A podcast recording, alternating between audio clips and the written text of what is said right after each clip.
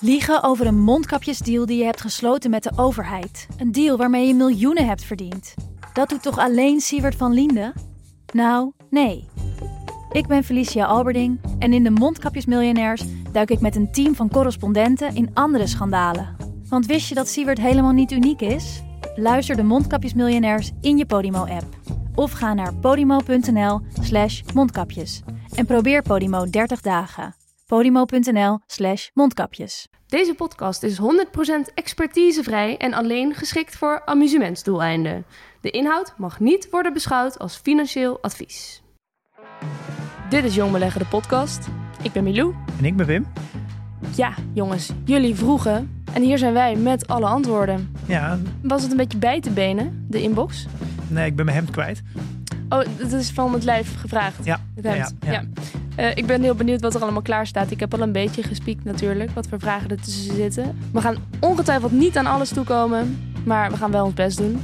Zeker, er zitten een paar hele leuke tussen. Mhm. En we gaan nog even bellen met eh, Ralf over cybersecurity. Hoe beveilig je nou je beleggingsrekening? Oh ja, dat is een belangrijk onderwerp ook voor jou, Ja. dat digitale Ik denk een, veiligheid. eh, een paar hopelijk goede lessen in ook voor jou. Ja, nou, wie weet lig ik er weer wat van. Ja?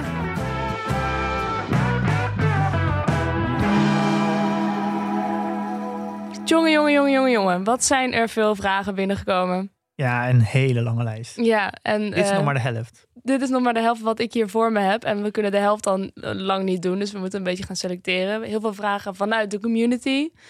Ook heel veel vragen via Instagram. Ja. En ik kan dit allemaal rustig zeggen. Maar ja, jij hebt... Alles komt bij jou binnen. Ja, nee, het was ook wel heel leuk om, eh, om alles te lezen.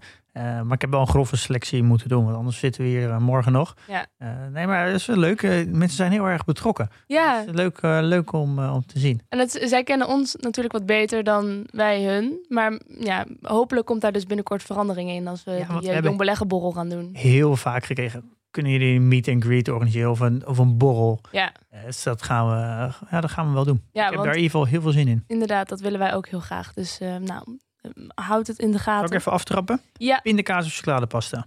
oeh. eh, ja, tegenwoordig wel pindakaas. Vroeger vond ik het niet lekker, ehm, maar nu wel zeker pindakaas. Ja. Ja, voor mij is het zeker pindakaas. Ik hou niet van zoet. Helemaal niet. Nou, ik, ik- af en toe wel, maar ik ben, ik toch, eh, als ik zou kunnen kiezen, minder, minder zoet. Oh, oké, interessant. Ehm, eh, goed, ja, eh, hele inhoudelijke belangrijke vragen. Nee, we hebben heel veel verschillende vragen gekregen. Eh, persoonlijk, maar ook over beleggen natuurlijk. Over PDT een beetje. Over PDT. Nou, kijk, we gaan, ehm, we gaan een beetje een mooie mix maken. om maker te zijn van een podcast. Oh, Ook. oké. Nou, daar kan ik wel een boekje over eh, open doen. Eh, zullen we beginnen met de vragen uit de community? Onze Ja. echte vrienden. De echte, echte. De echte, echte vrienden. Even kijken, dan zal ik... Nou, ten eerste dan gewoon maar Thomas. Die zegt... Ik zou een terugblik op het eerste jaar als belegger wel leuk vinden. Dus wat had je onder- en overschat, fouten, lessen, et cetera? Nou, Pim, dat wordt een hele aflevering, denk ik, als Ja, we dat die vraag een hele. Nou, we moeten dingen een beetje bepakt eh, kunnen communiceren. Oké, Ehm, ik denk als ik weer helemaal terug ga eh, naar toen ik net begon, dacht ik, dit is heel complex en moeilijk. Denk ik daar nu erg achter ben dat het eigenlijk best wel meevalt. En dat is het grappig, als je eenmaal aan het leren bent, dan kom je er eigenlijk toch wel achter dat, dat eigenlijk iedereen om je heen ook maar wat aan het doen is. En dat vind ik als ondernemer zijn ook altijd, als je dat eenmaal beseft, dan kan je wel beter relativeren. Dat je ook denkt, eh, dit, er is altijd een, eh, een onderneming bestaat alleen maar uit problemen. En, Ja. en alle, als je andere ondernemers spreekt, die, die, zien, die, praten over wat er allemaal goed gaat en die zijn zo relaxed. En denk je, jemig, waarom is het bij mij zo, eh, zo onrustig en zo? Allemaal problemen in de, maar bij, bij, die, bij iedereen is het, is het zo. Alleen aan de buitenkant zie je dat niet. En Mhm. Dit realiseer ik me nu ook wel dat, dat je hebt dan soms hoor je vermogensbeheerders praten ook in, in heel veel programma's en die zijn er komen er zo kundig over en zo. En dan denk je ja, uiteindelijk moeten die ook maar gewoon een aandeel selecteren en, een- en een portefeuille beheren. Ja, die hebben net die hebben dezelfde uitdaging die ik heb. Dus het idee dat professionele beleggers nou heel erg een voorsprong hebben dan dat ik heb, dat vind ik eigenlijk niet. Ik denk dat dat is iets wat ik heel erg, eh, wat heel erg meevalt. Ja, ik Dat had het- ook, ja. Dat, ik dacht dat het allemaal heel complex was, maar dat- uiteindelijk gaat het toch over de toekomst. En niemand kan de toekomst eh, weten. En dat moet je dus een soort van voorspellen. Eh, en door een klein beetje een achteruitspiegel te kijken. En daar heeft, heeft een iemand die heel veel tijd besteedt, nou niet zo een extreem groot voordeel. Eh, uiteindelijk gaat het ook hoe kan je dingen connecten en hoe zie jij de wereld waar je naartoe gaat. Belangrijkste les? Ehm, dus dat het eigenlijk best wel meevalt. Ja, maar dat is iets wat je realiseert. Maar dat is ja. niet een les die je leert. Oh ja, en een les. Ehm, en ja, een les is dat ik uh, veel minder moet leunen op uh, soort van st standaardiseringen, een soort van regels die uit het verleden komen, die gebaseerd zijn op het verleden. Dat is iets wat ik, uh, ik denk in de basis heb ik mijn portefeuille eerst in de strategie heel erg gebaseerd op, op, op, op angst en op onwetendheid, maar ook op heel veel wat, was, wat heeft gewerkt in het verleden. En ik, er wordt ook heel vaak gekeken alleen maar naar het verleden. En dat is ook, dat is ook logisch, want je kan niet, in, ja, je kan niet naar de toekomst kijken met cijfers. Uh, en dat is iets wat ik wel als les heb geleerd, dat ik de veel minder de soort van de, de, de standaard dingen die, worden, die heel veel worden besproken in de belegging, veel meer los moet laten Mhm. en veel meer vooruit moet kijken. Ja. En iets wat in het verleden gebeurd is, betekent niet dat het in de toekomst ook zo gaat gebeuren. Mijn belangrijkste les is, eh, of mijn favoriete les eigenlijk, is toch DCA. Dollar cost averaging. Oh, gewoon ja. lekker praktisch. Dat je gewoon weet dat je een bepaald moment moet afspreken en dan ook gewoon moet kopen. Want als je gaat zitten wachten, heb ik ook wel eens gedaan. Nou, toen heb ik op een heel verkeerd moment gekocht. Zat ik toen echt van te balen. Ook wel een les trouwens van ja, dan heb je één keer een moment slecht gekocht. Boeien. Dat, dat kun je ook heel erg relativeren. Dat is ook een belangrijke les. Maar ik vind dat, dat hele praktische, dat vertel ik ook altijd meteen aan mensen. Je hoeft niet op het juiste moment te kopen. Je moet gewoon elke keer op hetzelfde moment kopen. Ja. Een hele relaxte les. Ja, dat is ook denk ik de- misschien de meest verstandige les met, eh, met beleggen. En, en compounding natuurlijk, maar dat is nu zoiets. Dat is een beetje een ding. In het begin was compounding voor mij echt een soort van wauw. Het is nu een beetje standaard geworden.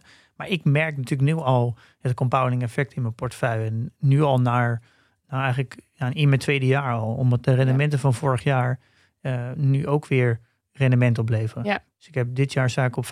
En dus ik heb 15% over mijn rendement van vorig jaar. Dus rendement om rendement. Eh, ja, ik, ik, kan me eigenlijk gewoon niet eens inbeelden wat voor effect dat gaat hebben over 10 jaar. Even over rendement gesproken. We hebben een vraag van Koen.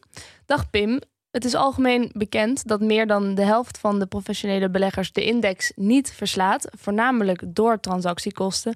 Toch ben ik benieuwd waarom je gekozen hebt voor individuele aandelen. Is dat alleen om te leren?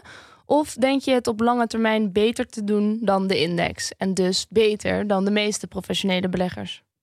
Ja, dit is, dit is natuurlijk een vraag die krijg ik heel vaak. Dan Ja, ook- want mensen zeggen ook dat ik het beter doe waarschijnlijk met mijn eh, ETF. Dat, dat, eh, dat ik beter rendement heb. Ja dat klopt. Je doet dit jaar ook beter dan, eh, dan mijn portefeuille. Eh, al deed ik het volgend jaar, vorig jaar weer beter dan, dan, eh, dan de S&P. Mhm. Ehm, eh, maar ja, dat klopt. Ik heb ook niet een heel goed verhaal dat ik het nou beter kan doen. En ik heb ook niet, nog niet echt de overtuiging dat ik het nou heel veel beter kan doen. Alleen, ik heb, aan de andere kant kan je ook andersom dus zeggen. Waarom zou, wat is nou een voorsprong van een professionele belegger versus mm, ja, mm, ik? Ja. Die is er bijna ook niet, vind ik. Want ja, uiteindelijk mm, putten we de informatie bijna uit, hetzelfde, uit pool. Ja, is misschien Nou, jij heeft hij niet iets meer toegang tot. eh, ja, ik vind, info? ja, ik vind van niet. Ik, bijna niet eigenlijk. Ehm, en uiteindelijk gaat het toch hoe zie je de toekomst? En, en ja, ik heb ook niet te maken omdat ik kwartaal moet rapporteren. Eh, ik, ja, verlies is voor mezelf, winst is ook voor mezelf, is toch anders. Ja, ja, ja, ik vind dat Dennis is een mooi voorbeeld. En zo zijn er wel meerdere in de community. Ja, die werkt gewoon bij de overheid. Ja. Nou, gewoon, die heeft gewoon een fulltime baan. En die werkt bij de overheid, bij de gemeente. En, en die doet, ja, gewoon als, als een soort van hobby is die belegger. En die verslaat al, al gemiddeld gezien al tien jaar lang de markt. Echt ruim. Echt, echt ruim. En Ja. Ja, eh, niet dat ik Dennis nou naar beneden wou, maar Dennis is nou niet een eh, soort van eh, iemand die nou heel bijzonder is. Hij is ook Ja. gewoon net als wat wij allemaal. En Ja. ja. ik denk echt wel dat dat mogelijk is. Ehm, maar ja, als je er, ja, het is niet zo dat je dat per direct doet natuurlijk. Je moet daar ook wel in leren. Ja. Ja, de meeste mensen die hebben nog eh 40, 50 jaar om te beleggen.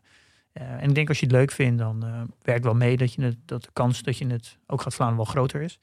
Maar ja, ik, ik denk, die vraag is voor mij ook niet zo relevant. Ik denk ook dat ik op een gegeven moment wel eh, een combinatie tussen een ETF en losse aandelen wel kan doen. Ik, ik sluit echt niet uit dat het, dat het niet kan. Ik denk dat er genoeg mensen zijn die het wel doen. Oké. Ehm, volgende vraag.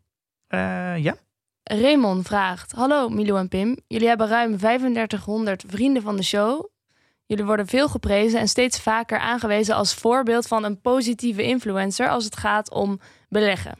Mijn vraag voor jullie is: in hoeverre hadden jullie verwacht of voorspeld dat dit zou gebeuren? En hadden jullie aan het begin het idee dat hier vraag naar was? Nou, als ik even mag aftrappen met het beantwoorden van deze vraag. Ik vind het nog steeds een uh, onverwacht succes, eerlijk gezegd. Ik kan nog steeds ook niet heel erg geloven uh, dat, dat het zo groot is geworden. Want ik had niet bedacht dat wij de natie zo zouden kunnen interesseren voor een onderwerp als beleggen. Vind ik nog steeds een beetje vreemd. Ja, dat deel ik wel, ja. ja en wat vind je ervan dat je nu een uh, positieve influencer bent? Ja, ik, ik ben blij dat ik mezelf in de spiegel aan kan kijken aan het einde van de dag. En dat Ja. we mensen volgens mij helpen. Ik vind, het, ik vind het leuk dat we kleine particuliere beleggers een soort van opleiden tegen eh, nou, dat, ze, de- dat ze de grote fondsen en de grote mensen in deze wereld en de professionele beleggers niet nodig hebben. Ik ben heel erg voor de emancipatie van de kleine belegger. En ik vind het heel leuk om, om daar iets aan bij te dragen. Dat Ja. vind ik het leukste aan deze podcast maken. Ja, nee, dat vind ik ook. Het is eigenlijk, eh, het is eigenlijk helemaal niet zo moeilijk om goed te doen. Als je gewoon Nee. heel dicht bij jezelf blijft. Dus, eh, nee, ik, maar ik had het ook niet verwacht. En ik, maar ik ben natuurlijk wel... het is wel heel leuk. Eh, en Ja. ik kijk ook heel erg uit naar... Het is, zo abstract, omdat je, we zitten in een studio. Het zou heel leuk zijn om, eh, om een keer wel een groep mensen om ons heen te hebben, fysiek. Dan, dat is toch het rare ook, dat, er, dat je niet merkt dat er 400.000 mensen luisteren. Dat probeer ik ook maar niet de hele tijd aan te denken, want dan word ik heel verlegen en weet ik niet meer wat ik moet zeggen. Eh, En Raymond die vraagt ook nog eh, aan jou, Pim. Hoe beslis je met je team welke onderdelen je bij de PDT in welke volgorde gaat maken? En hoe hou je het overzicht over het geheel? Dus het gaat over de dividend tracker. Ja, ehm, nou, we bepalen dat nu aan, vooral aan de hand van de reacties in de community. Dus we hebben wel een heel goed gevoel over wat er wordt gevraagd en waar, waar het meeste interesse in is. Al zitten we nog wel in de opbouwfase, waardoor we gewoon heel veel soort van obvious dingen moeten bouwen, eh, waar niet echt een discussie over is. Als we wat verder zijn dan, dan en de een soort van een basis is er, dan krijg je veel meer de nice to haves. Eh, en dan zo, zal dat denk ik meer wat lastiger worden. En dan zullen we denk ik een voting systeem op gaan zetten waar mensen in de community kunnen voten. En dan de meeste votes, die wordt dan, wat dat wordt dan gebouwd. Mhm. Maar we zijn natuurlijk op de- met een aardig team en wij houden echt alles bij. Iedereen die feedback geeft, noteren we. En we hebben daar een systeem voor, het heet Trello. Dat is van Atlassian en dat daar je- zo'n bedrijf kan je ook in beleggen. En daar is een tool waar we alles in bijhouden. Kan je ook zien wat we aan het ontwikkelen zijn en welke bugs we fixen. En wat, eh, waar de designers zijn, waar de developers zijn. Dus eh, alles is helemaal inzichtelijk. Ja. Dus, ehm, maar dit is een. eh tot nu toe gaat het eigenlijk hartstikke goed. Oké. Ehm, nou hebben we een, een vraag van Max. Ehm, hij zegt: Er is al veel besproken in de podcast. Als beginnende beleggers zijn we goed op weg geholpen. Wat is jullie ambitie met de podcast? Is die veranderd ten opzichte van het begin? Hmm. Nou, voor mij. Nou dat ik steeds meer ben gaan inzien. Dus dat die particuliere belegger moet leren beleggen. En dat dat goed is. Dat, dat heb ik gaandeweg eh uitgevonden. En dat heeft wel voor mij gemaakt dat, dat ik het leukst aan vind. Dat is wel dan mijn ambitie. Weet niet hoe dat voor jou is. Nou, de, eigenlijk de basis waarom we deze podcast zijn begonnen, is eigenlijk nog steeds in stand. En je merkt wel dat de kern eh, heel erg sterk is gebleken. En omdat die nu nog steeds werkt, eh, is dat er een, een, een gebrek aan goede informatie en transparantie is in de beleggingswereld. Eh, en dat we dat op, ons hele, op een hele eigen manier eh, willen doorbreken. Op een manier wat voor heel veel mensen fijn is om, om te consumeren. En en daarin doen we heel veel waarden zoals transparantie, open en ook een beetje luchtig, gezellig. En dat werkt gewoon heel goed. En dat staat nog steeds. Ik vind het heel sterk en ik sta er nog steeds achter. En de ambitie is om dat gewoon zo te blijven doen. Ja. En Max vraagt ook nog aan mij wat de leercurve is die ik heb doorgemaakt. Of ik al wat meer richting aandelen ga in plaats van ETF's. Nou, ik heb dus vorige week of twee weken geleden heb ik eh, Takeaway, Just Takeaway gekocht. Mijn eerste twee echte aandelen. Ehm, dus in die zin ja, ben ik wel gekomen naar wat ik volgens mij in het begin al een keer had gezegd. Maar dat ik op een gegeven moment wel ook zelf eh, een aandeel van een bedrijf dat geen ETF is zou willen bezitten. Ehm, tegelijkertijd ben ik ook wel, is ook wel onderdeel van mijn leercurve geweest dat ik bevestigd ben in dat ETF beleggen wel gewoon een heel fijne manier voor mij is. Omdat ik gewoon merk dat ik er niet heel veel extra tijd in wil steken. En bedrijven analyseren. Ja, ik zou nu ongeveer wel weten waar ik zou moeten beginnen. Maar ja, dat is gewoon niet echt mijn hobby. Ik heb daar geen zin in. Zo, uh, zo, zoveel hoef ik me er niet mee bezig te houden. En ik merk ook aan mezelf dat ik nou ja, veel losser ben uh, dan in het begin. Ik kan dingen loslaten en ik maak me niet zo druk over dingen. Ik kan mijn app ook gewoon heel erg goed met rust laten. Dus dat is een beetje mijn leercurve. Ja, nou, eigenlijk uh, de ideale leercurve om, om gewoon een hele goede belegger te zijn de komende 30 jaar. Ja. ja. En hij vraagt ook nog aan ons allebei: hoeveel uur per week besteden jullie aan de podcast en waar gaat die tijd in zitten? Nou, jij eerst? Uh, ja, um, ik, ja, dat is natuurlijk heel moeilijk uh, om het exact te. Ik denk dat ik wel toch wel zo'n 24 uur, denk ik wel, tot 30 uur per week met de podcast bezig ben. ligt een beetje aan de aflevering. Uh, want ik ben ook heel veel aan het voorbereiden. En is heel veel aan het lezen. Soms moet ik boeken ervoor lezen. Of uh, ik lees heel veel, ook heel veel onderzoeken en, uh, en artikelen. Uh, en ik ben met heel veel mensen in gesprek. Dus daar zit, ja, ben ik elke week een soort van non-stop mee bezig. En soms ben ik ook boeken aan het lezen voor een aflevering die we in de toekomst gaan maken. Ehm, maar dat is wat wat, wat minder tastbaar. Ja. Maar ik ben altijd wel de hele maandag en dinsdag uh, bezig met het voorbereiden ervan. Dus alles uitschrijven, show notes, moet ik uh, het voor, een script maken en alles. En dan natuurlijk uh, woensdag de opname zelf. Ja, ik merk het ja. ook echt aan jou. Op dinsdag ga je altijd een beetje appen. En een beetje dingen delen die je tegenkomt. Ja, dat is een, dan komt alles een beetje samen. Ja. Ja. en ik merk dat ik, nou, woensdagochtend nemen we dan op. En dan ben ik woensdagmiddag alle show notes aan het verwerken, website uh, op aan zetten, alles aan het klaarzetten, zodat het donderdag live kan. Dus donderdag, dat is eigenlijk het moment dat ik eigenlijk niet met de podcast bezig ben.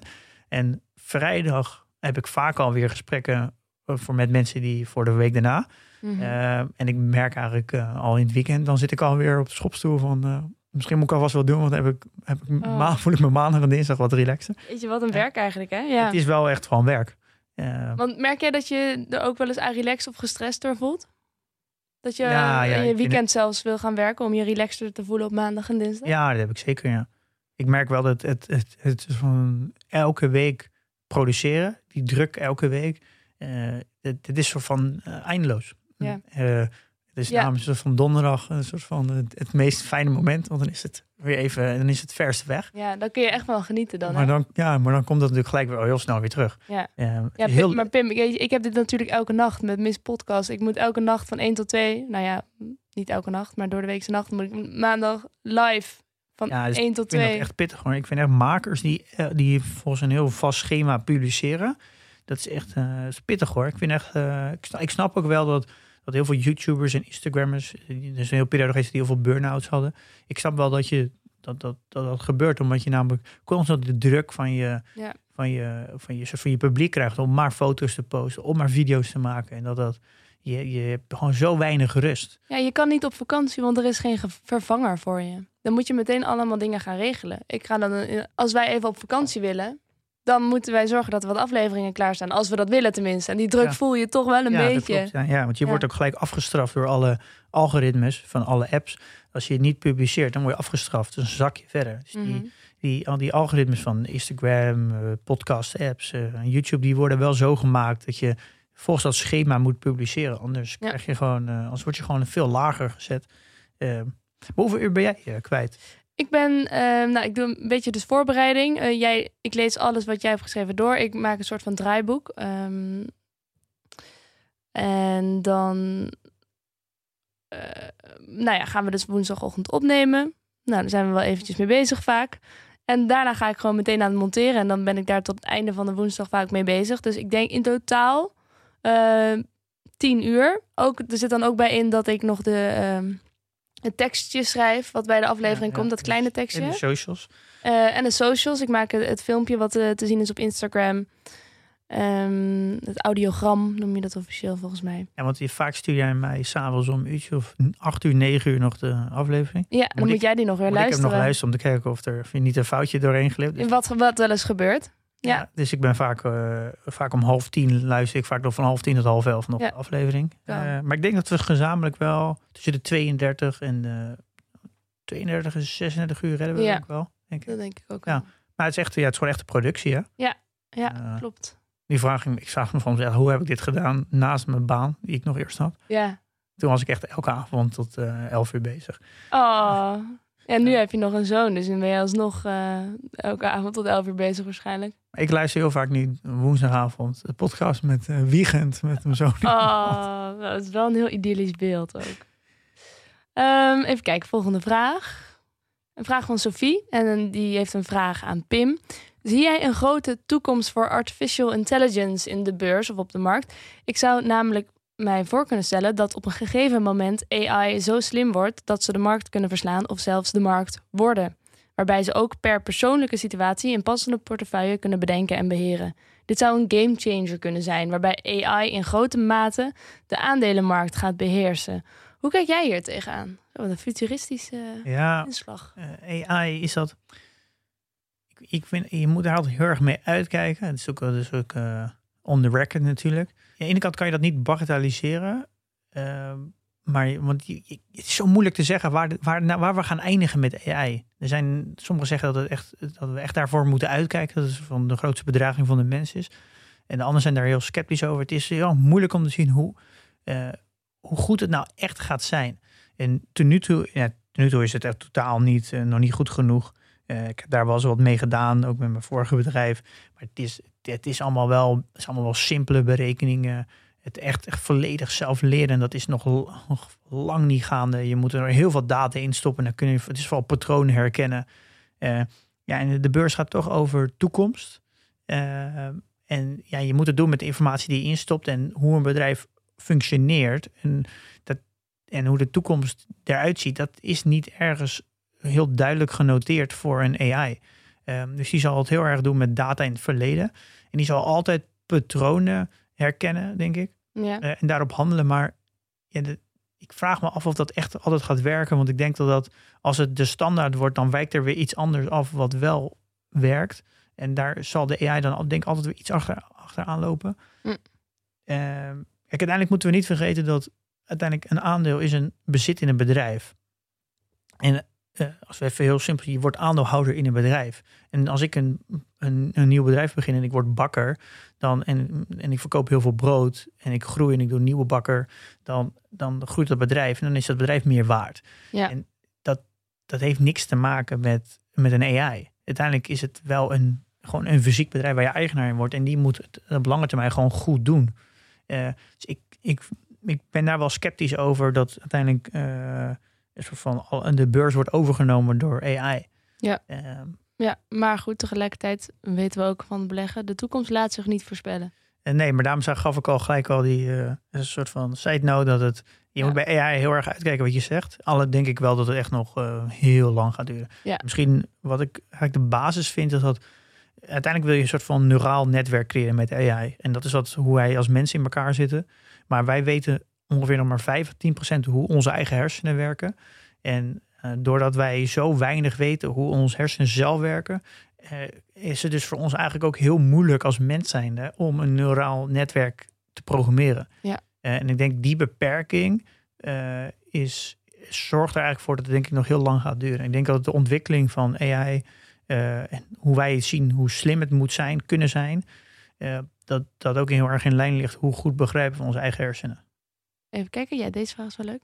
Uh, Terrence, die schrijft: Ik zou echt wel eens goed willen weten hoe je de intrinsieke waarde van een bedrijf inschat. Uiteraard is dit moeilijk om ineens in een QA-aflevering vorm te geven, maar ik sta echt te popelen om hier meer over te begrijpen en vervolgens meer toe te groeien naar een waardebeleggenstrategie. Live QA of een livestream video. Mega interessant, omdat je dan ook heel makkelijk berekeningen kan laten zien. Oh, en anders wil ik weten of jullie huisdieren hebben. Uh, geen huisdieren. Ik heb wel twee poezen. Uh, Billy en Pippi Fred. En, maar als het een huisdier moet zijn, dan is het van hond.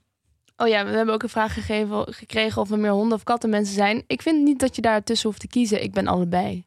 Uh, nou, ik hou echt niet van katten. Oh.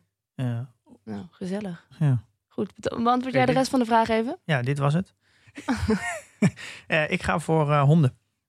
Ja. precies. Maar die andere over die uh, intrinsieke waarde. Nou, ik had hem al even in Terwit gezegd dat er twee video's waren over Just Eat en de Basic Fit. Dat dat al een basis is om mee te beginnen. Mm -hmm. en we gaan trouwens in de zomer gaan we een mooie serie maken over fundamentele analyse. Ja, heel augustus. Vier afleveringen gaan we in de basis uh, zetten over hoe doe je nou een fundamentele analyse van allerlei facetten. Maar dat is nog steeds uh, audio. Ja. Ik snap wel dat die. Ik zou dat zelf ook heel fijn vinden om gewoon video's te kijken over hoe doe je dat nou. Kan je lekker meekijken over iemands schouder. Ik zeg niet dat dat nooit komt. Maar op dit moment ben ik zo druk met de podcast en PDT. Dat ik geen tijd heb om ook video's te maken. Dat is duidelijk. Uh, maar wie weet komt dat er ooit. Maar ik ben, kijk erg uit naar die serie in augustus. Volgens mij wordt ja, dat, dat geeft al, gaat al heel erg helpen om. Ja. Uh, om uh, we gaan we je vier afleveringen meenemen met een gast. Hoe je fundamentele analyse doet. Ja. Even nog wat vragen van Instagram. Ja. Oké. Dan ten eerste, Matthijs die vraagt: Wanneer zijn jullie tevreden met jullie portfolio? Jeetje, wat een brede vraag. Ja, nou, ik, ik heb, kan daar wel wat over zeggen. Uh, waar ik heel graag naartoe wil, kijk, ik, ik, ik wil, wat, ik heel, wat ik heel graag wil is dat beleggen is iets passiefs. Ik wil aandeelhouder zijn in een bedrijf uh, en dat wil ik voor een langere periode.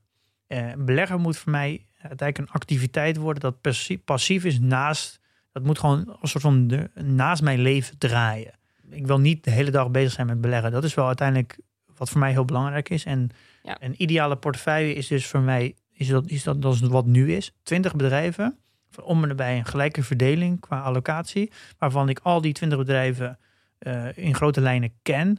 Uh, en, en dat gewoon op een, beetje een kwartaalbasis volg. Met een beetje nieuws en, uh, en wat kwartaalcijfers. Maar omdat het allemaal goede bedrijven zijn, ik daar in principe niet hoef, op hoef te handelen. En dat ik bijvoorbeeld één keer in een kwartaal een nieuw bedrijf erin doe en een ander bedrijf eruit doe. Dat, en dat het dan vrij passief blijft. Dat is voor mij een, een ideale portefeuille. En ik zou wel er naartoe willen dat ik nou, minimaal voor de helft duurzaam ben qua waar ik in beleg. En duurzaam is een breed begrip, dat realiseer ik mij terdege. Dat wordt nog een beetje lastig ook, hoe ga ik dat dan doen? Maar uh, in, in, ieder geval minimaal de helft en uiteindelijk misschien wel helemaal. Ja, ja. Dat zou, dan zou ik wel tevreden zijn. Ja. Volgende vraag.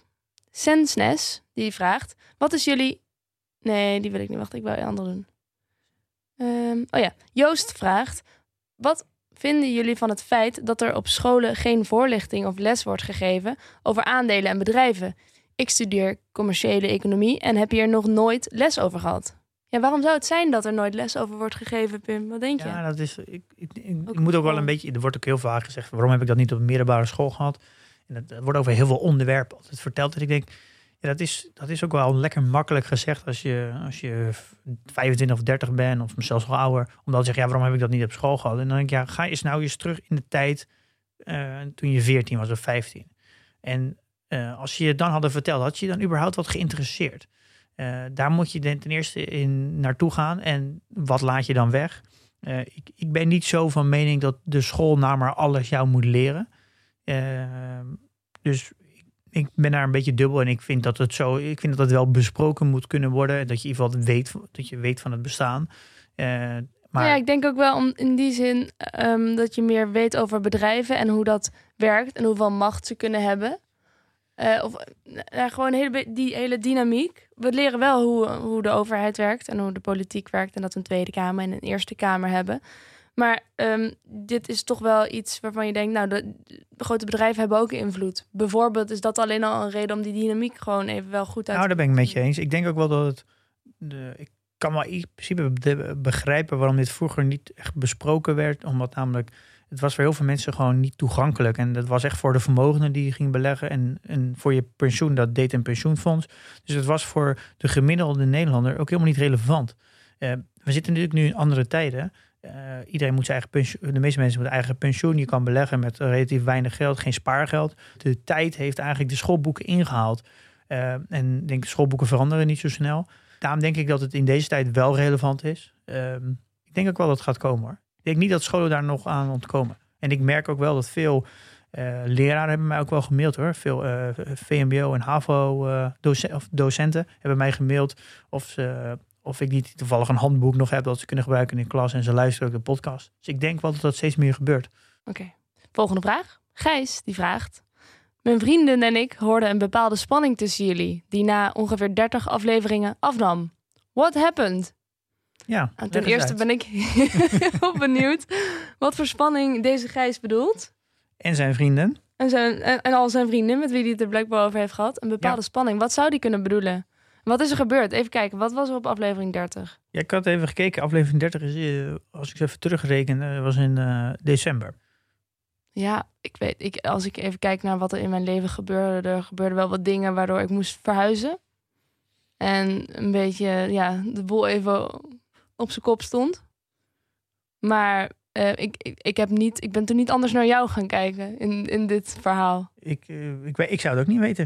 Ik ben ook benieuwd hoe. Nou ja, goed. Oké. Ik ben benieuwd wat voor spanning je precies bedoelt, Gijs. Dus eh, misschien kun je dat nog even laten weten.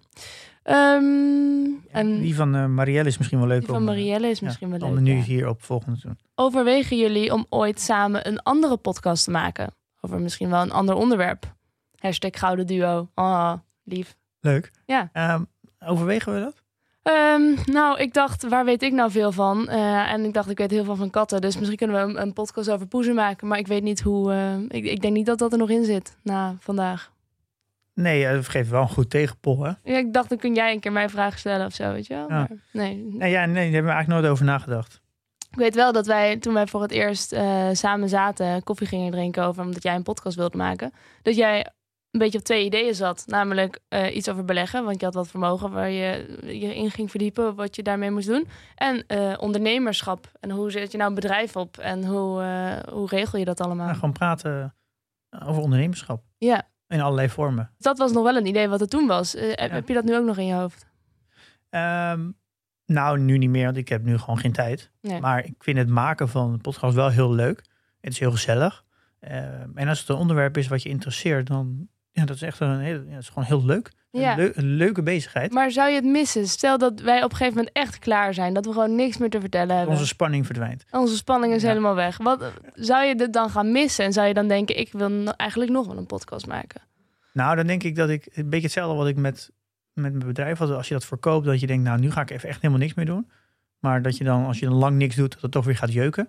Dus dat heeft, denk ik, met de podcast ook wel. Even een pauze zou wel lekker zijn. Maar Mhm. dan gaat het denk ik toch weer jeuken om toch weer iets te maken. Ja. Het is gewoon heel leuk om dingen te maken. Ja. Ehm, maar bij eh, de vooravond zijn eh, de twee presentatoren ontslagen. Ah Dus ja, ik dacht eigenlijk, moeten wij niet de vooravond gaan presenteren met z'n tweeën? nou, bij deze een open sollicitatie. Ja. Ehm, ik weet niet, kun, kun jij over elk onderwerp wel eh, geïnteresseerd doen, denk je? Want dan moet je ook met Gerard Joling aan tafel. Ehm, ge- echt geïnteresseerd, oprecht geïnteresseerd misschien niet. Maar ik kan wel, ik heb wel, dat doe jij dan toch? En dan, Eh, ja. dan doe ik, wel- vlieg ik er wel een beetje omheen. Maar je vindt mij dus eigenlijk niet goed genoeg voor de vooravond? nou, eh, ik- nu aan de kant te zetten? nee, nee, nee, nee, nee, nee. Ik vind je wel goed, maar ik, ik, ik denk dat er nog wel een hoop te leren zal zijn voor je. Ja. Ja, nee, dat is niet. Je bent, jij bent toch meer een gast die bevraagd wordt dan een verteller. Net zoals ik meer een vragensteller ben dan een verteller. Ja, dat is wel waar. Hè? Dat denk ik. Ik denk dat deze rolverdeling heel goed voor ons is zoals Ja. die is. Ja. Ja. dan gaat mijn tv-carrière. ja. we hebben ook best wel wat vragen gekregen wat we irritant aan elkaar vonden. Ehm, ik vind letterlijk niks irritant aan Pim. eh, aan zijn karakter. Daar zou ik echt niks op af te dingen hebben. Ik vind hem heel open en zorgzaam en eh, hij kan heel goed uitleggen. Eh, alleen soms is hij een beetje lang van stof, waardoor ik langer moet zitten monteren en langer zit op te nemen. En dat is hoogstens irritant, omdat ik dan soms eh, mijn time management niet helemaal zelf meer op orde heb en niet naar mijn yogalesje kan wat ik heb gepland, bijvoorbeeld. Ja, is heel egocentrisch. Dus dat is het enige als ik iets moest bedenken wat ik in de verste verte irritant zou kunnen vinden, is het dat het soms een beetje lang duurt. Ja, deze feedback heb ik wel eens vaker gehoord in mijn leven. Dat je lang van stof bent. Dat ik wel lang van stof ben. En je wil ja. het gewoon allemaal heel goed uitleggen. Ja, En dan hou je er veel bij. ja, ik kan wel heel veel omweggetjes nemen. Ja, maar dat vind ik ook wel weer grappig. En eh, daar zit ook wel weer een soort van rust in. Dat je de tijd neemt om iets echt goed uit te leggen. Ja, ja daar hou ik wel van, ja. Ja. Ik hou, er, hou ervan om dingen uit te leggen die mensen kunnen begrijpen. Ja. Omdat ik dat zelf ook heel fijn vind als mensen dat Ja. naar mij toe doen. Dan nog een vraag van Tijmen. Die vraagt aan jou, Pim. Heb jij je bedrijf zelf opgezet? En was het altijd al je plan om het te verkopen? Ehm, ja, ik heb het eh, zelf opgezet. Dat wel met een, eh, met een eh, compagnon tijdens mijn studietijd. Nee, nooit het plan om te verkopen. Maar dat, nee, ik kan me ook niet voorstellen dat je een bedrijf begint met het plan om het te verkopen. Dan gaat het gewoon niet werken. Uh, een bedrijf opbouwen is echt heel hard werken. En denk de eerste vier jaar uh, werk je uh, schompus. En dan op, als het gaat zetten tegen je uurloon verdien je bijna niks. je moet ook, je werkt dag en nacht en ook weekenden. dus ik denk een bedrijf, een goed bedrijf bouwen ben je vaak wel acht jaar mee bezig. Dat het echt een wat stabiel is en dat stabiel dat het, ja, dat het goed draait. En dan kan je een beetje de vruchten van plukken. Maar ik denk dat het fundamenteel niet. Het werkt gewoon niet als je het doet om te verkopen. Dus het, uiteindelijk komt er denk ik wel een punt dat je misschien een keer. of het bedrijf stagneert. of het, het, gaat naar, het ontwikkelt zich naar iets toe wat je minder leuk vindt. of jezelf verandert. Dat je dan op een gegeven moment. ik haal er geen plezier meer uit. En dan ga je wel denken aan verkopen. Of je krijgt een heel mooi bod. of iemand wil het hebben. Of, ze kunnen wel omstandigheden zijn dat je dat doet. Ehm, maar ik denk dat dat meer de situatie moet zijn dat je, dan, dat, je dat echt plant. Wil jij vertellen wat jouw omstandigheden waren? Waarom jij van je plan bent afgeweken om het. Nou, ik, heb een, uh, ik ben echt een maker. Uh, ik, ben, ik ben ook een soort van autodidact als het gaat om die, uh, design en strategie en UX. Alles wat met online te maken heeft. dat deed ik al voordat ik een studie in, in, in deed. dat was toen vroeger mijn hobby. En ik merk dat dat de basis is wat ook, waarom ik dat bedrijf ben begonnen. maar dat, ja, als je begint waren we met 25 man. En ik was dus het bedrijf aan het runnen. Ik was meer een manager. Ik was heel veel HR-gesprekken aan het doen. En ik was uh, allemaal spreadsheets aan het invullen om te kijken en de sales aan het doen. Ik was eigenlijk met alles bezig in het bedrijf. Uh, behalve met waarom ik het bedrijf begonnen ben. Dat is mooie dingen maken. Ja, ehm, ja en dat, dat hou je natuurlijk al lange tijd vol. Maar op een gegeven moment ja, is dat gewoon minder. Ehm, ja, gaat dat toch een keer knagen. Ja. En ja, dat was ook dat was eigenlijk voor mij de basisreden geweest waarom ik er eh, wel van af wilde.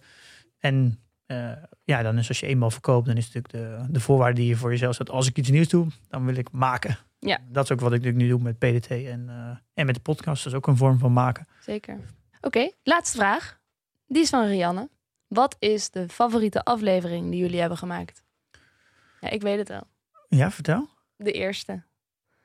De eerste? Ja, de eerste. Gewoon zoiets heel nieuws. En uh, dat, dat, dat vind ik altijd leuk. En ja, ja, wat mij nog gewoon heel erg bijstaat, is die berekening van jou over dat je twee ton misloopt als je het via een fonds doet, in plaats van als je het zelf gaat doen. Dat beleggen. Ja, die eerste afhanging. Ik, ik, ik durf die niet nog een keer terug te luisteren. Ik kan me nog nee, ik durf hem ook niet terug te luisteren. Ik kan me nog herinneren dat je die had gestuurd. En dat ik in, in de woonkamer rondliep en ik was hem aan het terugluisteren. Ja. En dat ik hem echt echt non-stop had uit, gewoon elke keer na vijf minuten weer uitgezet. En denk, nee, hoe zeg ik dit nou? Ik kon, gewoon niet naar mijn eigen stem luisteren. Nee. Dat, Grappig hè? Ja, ik had, had daar heel veel moeite mee. Nu, nu eh, ben ik daaraan gewend. Ja. Maar ik kan me dat nog... is nog steeds niet leuk, toch? Me, nee, nee, maar je went er nu aan. Ja. ja maar ik kan me nog herinneren dat, uh, hoe, hoe, nieuw dat voor me was, zo'n uh, ja. zo'n eerste aflevering. Ik vind de aflevering met, uh, met gasten toch, toch wel het leukst. En dat komt eigenlijk heel erg, dat zit ook een beetje in mijn karakter. Ik hou erg van nieuwe dingen leren.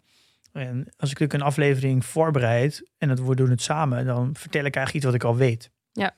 En met een gast, dan leer ik ook altijd nieuwe dingen ter plekke. Ja. Uh, en dat vind ik heel leuk. Ik vind de, van de aflevering met Alex heel leuk, omdat dat voor mij uh, ja, heel symbolisch was. Omdat ja, door Alex ben ik eigenlijk een beetje begonnen. Dat vond ik een hele leuke aflevering. Oké. Okay. Um, ja, ik leer natuurlijk altijd iets nieuws. Dus dat, uh, maar ik snap wel wat je zegt. Ja.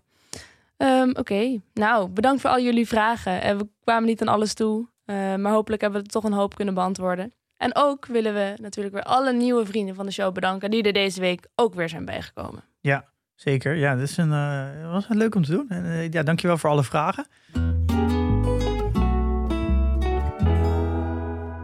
Ja, dit is natuurlijk een beetje een andere aflevering dan normaal. Um, maar we vinden het toch wel leuk om ook nog even iets anders dan alleen maar vragen te doen. En dan is er een onderwerp, Pim, wat jou al nou ja, heel lang aan het hart gaat. Namelijk digitale veiligheid, cybersecurity.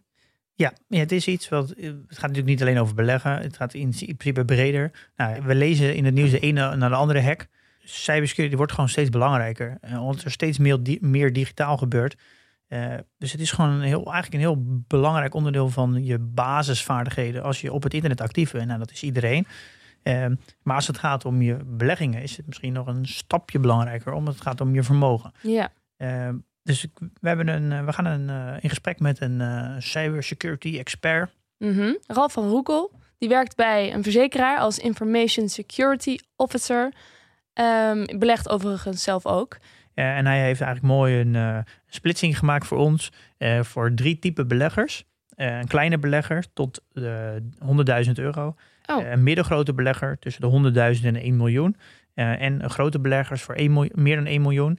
Heeft hij eigenlijk per categorie eigenlijk opgedeeld. Wat zijn de kansen en wat zijn de risico's? Oké. Dus hoe kan je je beter beveiligen als kans? En wat zijn de risico's waar je op moet letten? Denk je dat wij beleggers onder ons hebben die in, in de luisteraarspool van jong beleggen die meer dan een miljoen beleggen? Ja, dat weet je niet. Nee, oké. Nou, we kunnen maar beter compleet zijn dan inderdaad. Uh, ja, dat is wel goed om te weten, want wij uiteindelijk uh, worden alle luisteraars gaan natuurlijk meer dan een miljoen hebben. Ja, dat kan je het maar vast weten. Dat is ook zo. Uh, oké, dus we gaan even bellen met Ralf. Ja, gaan we dat doen. Hey, goedemorgen. Hey Ralf, goedemorgen. Hey. Um, ik heb net al even een korte... Goedemorgen Ralf, hoi. Ik zit aan de andere kant van de tafel, ik weet niet of je mij hoort, maar ja. Kan je ons even uitleggen, wat is nou cybersecurity? Ja, zeker. Nou, cybersecurity is uh, met name uh, nou, het, vak waar je als doel hebt data en informatie uh, veilig te houden. Elk bedrijf heeft daarmee te maken, hè, meer of mindere mate. En een beetje ja, cybersecurity kijkt van hoe, hoe houden we dat uh, veilig. En eigenlijk delen we dat vaak op in, in drie categorieën. Je hebt de, de vertrouwelijkheid van data. Dus dan kan je je voorstellen bepaalde gegevens hè, van, van, van klanten, financiële gegevens, die zijn uh, privé. Die zijn niet voor iedereen bedoeld, dus die wil je afgeschermd houden. Mm -hmm. Dan heb je daarnaast de integriteit van data. Van, nou, klopt de data ook? Dus als je als bedrijf da een database hebt met allerlei financiële gegevens, bankrekeningnummers, noem maar wat, dan wil je wel dat die blijft kloppen. Niet dat daar nummertjes opeens kunnen uh, veranderen, waardoor of dat, uh, hè, dat dat niet meer klopt, dat je saldo verandert. Dus je wil die data ook heel houden, dat het, dat, dat blijft kloppen. Ja. En je, je wil de beschikbaarheid uh, bewaken. Dan, nou, daar kan je iets bij voorstellen als je nieuws, in het nieuws iets hoort over een DDoS-aanval, waardoor je bijvoorbeeld nou, je, je belastingaangifte niet meer kan doen omdat DigiD plat is gelegd. Nou, dan, uh, dan heb je als bedrijf, als DigiD zijn, een probleem met je beschikbaarheid. Want dan kunnen jouw klanten niet meer uh, naar je toe. Kan je geen uh, business meer hebben. Ja. ja, dan moet je vaak heel veel geld betalen als je het weer beschikbaar wil maken. Ja, nou exact. Nou, Zo'n zo, zo voorbeeld wat je nu noemt is nou, een ransomware aanval. Dan wordt inderdaad je, je data op slot gezet. Dus dan, heb, dan verlies je je beschikbaarheid.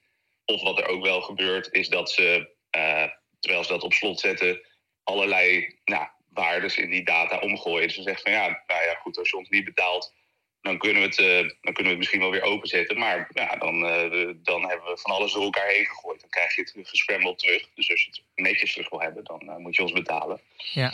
Dus die, ja, zo die, die, die kunnen op die twee punten aanvallen. Ja. Tegenwoordig natuurlijk een steeds groter probleem. Um, maar laten we even naar de, de kleine belegger gaan. De belegger tot en met 100.000 euro. En wat zijn daar eigenlijk de risic risico's voor? Nou, de risico's voor die kleine groep, dat, uh, nou, dat, dat zit dan vooral in, uh, in phishing. Nou, phishing uh, is ook bij de meeste mensen helaas bekend. Phishing aanval is, is vaak niet persoonlijk. Dus het is niet dat, dat jij persoonlijk gehackt wordt, maar je bent ergens in een, in een database naar boven gekomen. Jouw gegevens zijn daar ergens naar boven gekomen. En daardoor krijg je phishing uh, phishing mailtjes.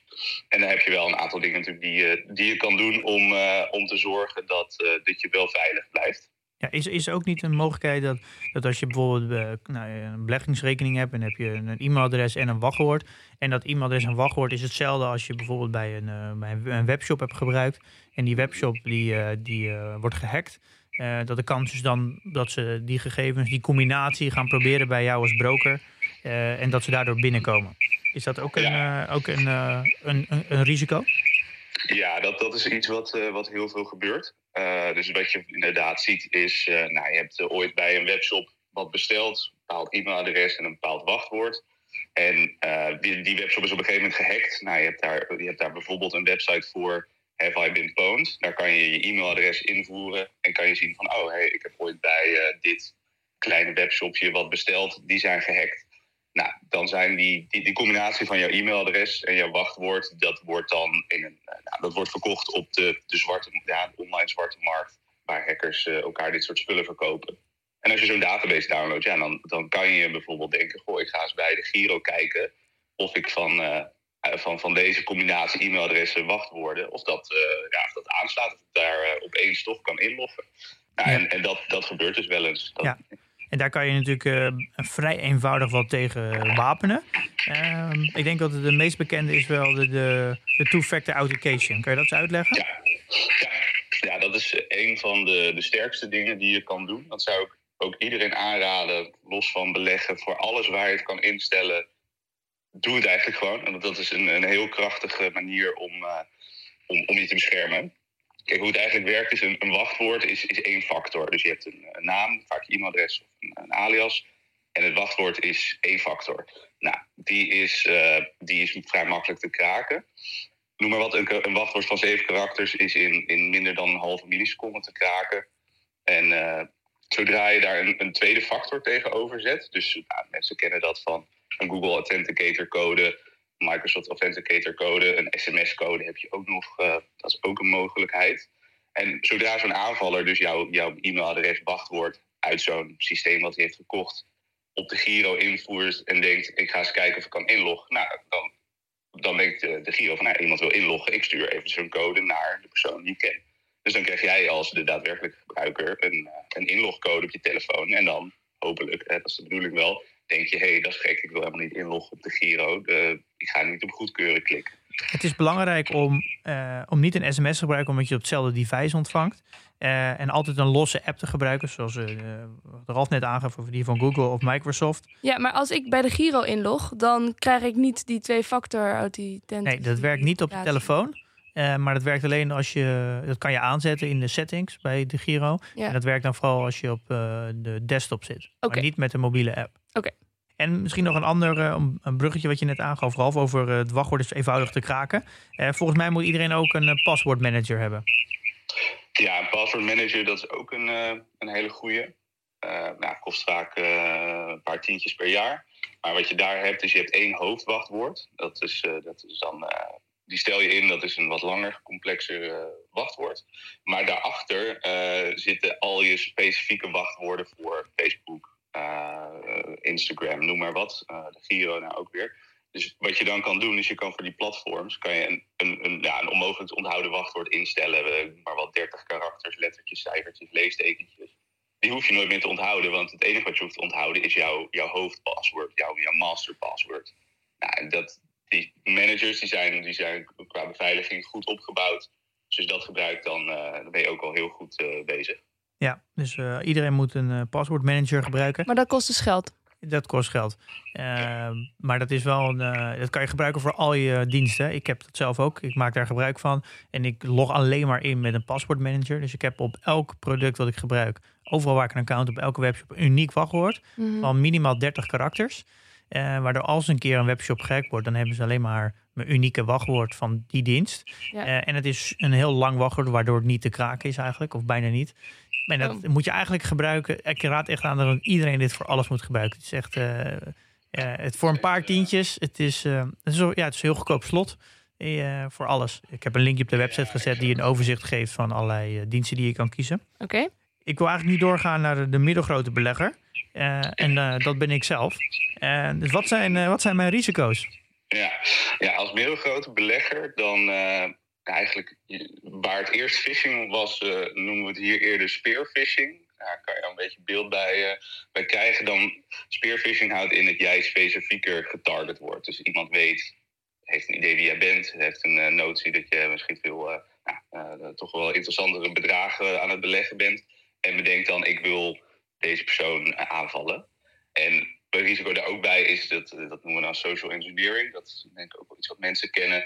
Het gaat de aanvaller echt meer persoonlijk moeite doen om jou te leren kennen. Om erachter te komen wat je geboortedatum is, wat je postcode, huisnummer is. Allemaal van die stukjes data om nou, uiteindelijk toch ergens een gaatje te kunnen vinden om, om achter jouw wachtwoorden te komen, bijvoorbeeld. Ik merk dat dat voor mij, uh, uh, daar maak ik me het meest zorgen om, dat stukje social engineering. Ik, uh, ik krijg wel zo vaak uh, berichtjes van mensen en mensen vragen aan mij dingen. En daar ben ik al wel heel huiverig voor. Dus ik zie dat wel echt als een, eh, als een bedreiging helemaal omdat ik, een, omdat ik ook publiek ben met mijn portfolio. Wat natuurlijk eigenlijk regel nummer één van een goede security is natuurlijk niet prijsgeven wat je achter de deur hebt. Ehm, en, en wat zijn de kansen voor mij om, om dit te voorkomen?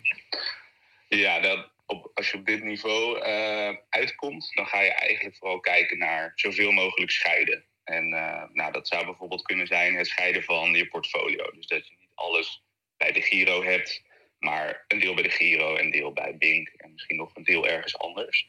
Want zodra je dan ergens aangevallen wordt, dan heb je nou, je risico gespreid. Een andere goede mogelijkheid is om een specifiek e-mailadres te gebruiken voor je beleggingsactiviteiten. Want wat er vaak gebeurt, hè, je gewoon een Gmail, die, eh, die, die gebruik je ook voor privé dingen, voor die kleine webshop, voor social media, voor, nou, dit staat overal nergens waar mensen op kunnen bereiken als je nou voor uh, je beleggingen bijvoorbeeld bedenkt, ik maak een specifiek e-mailadres aan met een ja, hele abstracte naam, een, een, een, een soort ja, een alias, gewoon iets, iets wat een, een fictief, een fictief naampje at gmail.com, die gebruik je alleen maar voor je, voor je beleggingen. Dat is heel moeilijk om, om nog aan jou te koppelen, want dat gebruik je dan nergens anders. Hm. Ja, kijk, dat is wel een, een hele goede tip. Uh, en de portfolio scheiden is ook iets wat ik, uh, wat ik zeker ga doen. Uh, om uh, om een, e-, ja, daarnaast de Giro nog een extra broker te hebben. Uh, gelukkig hebben we, hebben we PTT, waardoor ik ze allebei kan koppelen. En, en wel één volledige portefeuille zou kunnen zien. Ehm, nou, lang, oh ja. lang, leven PTT. Ja. Um, en nu hebben we de, de grote belegger. Daar hopen we natuurlijk allemaal ooit een keer te komen. Allemaal grote belegger. Um, wat zijn daar de risico's? Ja, dat, dat lijkt in essentie nog veel op de middelgrote belegger. Maar Ah, ja, de, de, intensiteit is groter. Dus nou, waar het eerst spearfishing heet en jij wordt specifiek getarget, hebben ze hier in security een mooi woord ervoor. Whaling, kan je me voorstellen, walvissenjacht. Dus dan denken ze, nou, jij bent als grote belegger echt een uh, grote jongen. Dus daar wordt wel met, met veel meer moeite nog achteraan gegaan. En dan kan je gewoon nog meer verwachten dat je persoonlijk uh, uh, aangevallen gaat worden. Ja, en wat, wat kunnen ze daartegen doen? Ja, eigenlijk geldt daar nou, alles wat, wat, wat, wat genoemd is voor de kleine belegger en de middelgrote belegger. Dat geldt hier zeker ook. Maar ja, nog, met nog meer aandacht. En wat je nog specifiek uh, op dat niveau zou kunnen doen, is het, dat noem je security by obscurity. eigenlijk wat je daarnet ook al noemde, hè, als ik, als ik dat alles zou delen, is, is toch wel meer een risico. Als je echt een, een hele grote belegger bent, dan is het wel verstandig om zo min mogelijk ja, te delen over wat je nou hebt, wat je aan het doen bent. Je zou ook nog specifiek, dat is wel echt een wat vergaandere maatregel, een specifiek apparaat voor je beleggingen kunnen gebruiken. Dus niet je privécomputer, maar ik noem maar wat, een laptop die eigenlijk altijd uitstaat, behalve als je gaat beleggen, die niet aan internet gekoppeld is, behalve als je gaat beleggen, die, uh, waar, waar helemaal geen software op staat, behalve dus naar een browser om naar de Giro te gaan. Dan is dat apparaat zo lokaal en leeg, uh, dat dat het risico gewoon heel erg verkleint. En uh, op het moment dat je, dat je klaar bent beleggen, dan zet je hem uit. Uh, vergrendel je hem, encrypt je hem misschien zelfs. En ja, dan doe je er verder niks mee. Dus dat is heel moeilijk om daar als aanvaller dan specifiek op te komen. Ja, dat gaat nog een beetje ver, maar wie weet ooit. Ja, dankjewel voor, voor dit mooie, mooie overzicht. We hebben ook even op de website dit allemaal gezet. Het, gaat, het is misschien wat snel gegaan. En we hebben ook wat linkjes bijgezet over uh, voor hoe zet je de two-factor authentication aan en hoe werkt nou een paspoortmanager. Dit gaat natuurlijk nu erg over beleggen, maar ik raad echt iedereen aan. Trek het veel breder en ga ook gewoon je, je algemene security iets upgraden. Ik probeer elk jaar uh, ernaar te kijken bij mezelf en kijken of ik weer een stapje verder kan gaan. Dat ik niet uh, verslof, zodat ik, ja, dat het mijn deur altijd net even iets beter beveiligd is dan die bij de buurman. Ja. Ehm, en nog even een laatste vraag aan jou, Ralf. Uh, jij bent zelf volgens mij ook al belegger vanaf je achttiende. Uh, beleg je ook heel specifiek in cybersecurity bedrijven? Je bent nu 25 toch, Ralf? Ik ben nu 25, ja, ja, klopt. Dus je belegt, al, uh, je belegt al zeven jaar? Nu nog niet specifiek. Uh, dus ik, ik, zit nu voornamelijk nog in de, nou, de, de Robeco-portfolio's, die dus al wat meer vormgegeven zijn. Maar ik ben wel van plan binnenkort de stap te maken naar een specifieke zelf zelf aandelen kopen. En dan zal zeker cybersecurity uh, onderdeel van, daarvan gaan worden. Vooral uh, gezien nu uh, nou, de laatste jaren met, met het veel thuiswerken en werken op afstand is, is het belang van, van die cybersecurity nog alleen maar groter geworden. Dus ik denk dat dat eh, hele leuke bedrijven zijn om in te beleggen. Ja, zeker. Hou ons ook zeker op de hoogte als je, als je daar onderzoek naar gedaan hebt. Daar, uh, daar ben ik en misschien ook een hoop luisteraars wel erg geïnteresseerd in. Uh, nou, voor nu uh, dank je wel. En ja, ja denk dan tot snel. Ja, zeker. Nou, jullie ook bedankt. Jo. yo. Doeg. Jo. Jeetje, ja, ik ben wel even aan het denken weer gezet. Ik moet dit soort dingen wel ook gewoon even goed gaan regelen. Zo'n paswoordmanager is misschien toch wel een goed idee. Ja, het is voor heel veel mensen een hele grote stap. Ik, het heeft mij ook heel veel tijd gekost om nou, uiteindelijk, ook al wist ik het wel heel lang, heeft het me heel veel tijd gekost dat ik het eigenlijk ging doen. Omdat je namelijk overal, van alle diensten, alle wachtwoorden moet wijzigen. Ja. En uh, een uniek wachtwoord moet maken. Maar als je eenmaal uh, ja, als je het eenmaal gedaan hebt, dan is het super eenvoudig. Want als ik nu ergens wil inloggen, dan zeg ik, uh, ga, word ik, stuur ik gewoon door naar One Password. Uh, log ik in met mijn masterkey en dan vult hij automatisch het wachtwoord en e-mailadres in. Dus het, het gebruikersmak gaat echt omhoog. Ja, nou, dat denk ik ook wel. Want ik ben ook heel vaak gewoon mijn wachtwoorden vergeten. Weet je wel, dan ja. moet ik weer wachtwoord opvragen. En dat is meer gedoe uiteindelijk in de rest van mijn leven. Dat ik dat de hele tijd moet gaan zitten doen. En dat ik even één dag zo'n passwordmanager ja, ga Het is echt een aanrader. Het is, als je het eenmaal goed hebt ingericht, dan is het ook het, zoveel gebruiksvriendelijker dan elke keer je e-mailadres en je wachtwoord typen. Uh, ja. Uh, ik, en ik zou sowieso ook aanraden om niet je wachtwoord te onthouden in je browser en zo. Dus dingen. Ik heb dat ook allemaal uitzet, uitgezet. Dus als iemand ooit je computer in handen krijgt, dan kan die overal inloggen. Uh, Ralf gaf ook een tip om uh, Have I Been Pwned? Dus we hebben ook op ja. de website gezet.com. Kan je e-mailadres invullen, dan kan je zien of jouw e-mailadres ergens in een database gelekt is. En er staat ook je wachtwoord bij. En dat kan best confronterend zijn.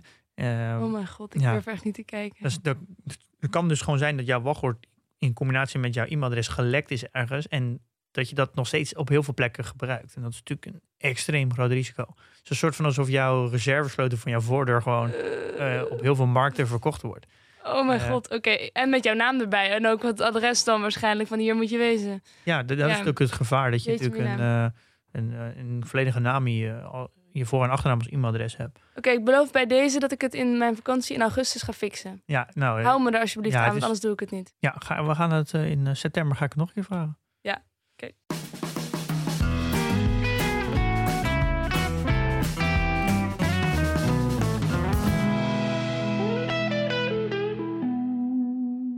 Ja, deze week hebben we even geen portfolio-update. Uh, want we hebben hem van tevoren opgenomen. Uh, want Pim is op vakantie. Ja. En uh, ja, ik denk dat we ook wel genoeg vragen hebben beantwoord. Wat jij? Ja, reviews en vragen zijn ook niet nodig nu, denk ik. Nee, dat lijkt me ook niet. Dus uh, dan kunnen we alleen nog wel even vertellen wat we volgende week gaan doen. Ja, we hebben een gast, uh, Thomas Heeg. En we gaan het hebben over anti-fragility in je risicoanalyse. Oh ja, dat is een term die ik al eens eerder heb voorbij ja, de, komen. Nassim Taleb heeft er ook een boek over geschreven. Het gaat over kwetsbaarheid en fragiliteit. Uh, en dat zijn best wel uh, softe kenmerken, waar, maar je, uh, je, je kan toch wel een bedrijf in grote lijnen beoordelen op hoe anti-fragile ze zijn. Uh, en daar zijn heel veel, kan je heel erg kijken naar hoe de organisatiestructuur in elkaar zit, hoe, hoeveel geld ze aan R&D besteden, hoe, wat de score is van personeel als het gaat om innovatie en self-employing. Ja. Nou, Thomas gaat ons daar bij helpen en een hoop over vertellen. Want waarom weet Thomas er veel van? Uh, hij geeft heel veel trainingen en cursussen aan uh, bedrijven om meer anti-fragile te worden. Okay. Dus vooral om je om ook te kunnen blijven innoveren en niet uh, gedisrupt te worden. Oh, interessant. Dus hij doet vanuit binnenuit helpt die bedrijven om anti-fragile te zijn. Dus we gaan dit nu omdraaien waar hij bedrijven mee helpt. Kijken of we die dingen vanuit buiten naar binnen kunnen beoordelen. Leuk. Oké, nou, lieve luisteraar. In de tussentijd, investeer in je kennis en beleg met beleid.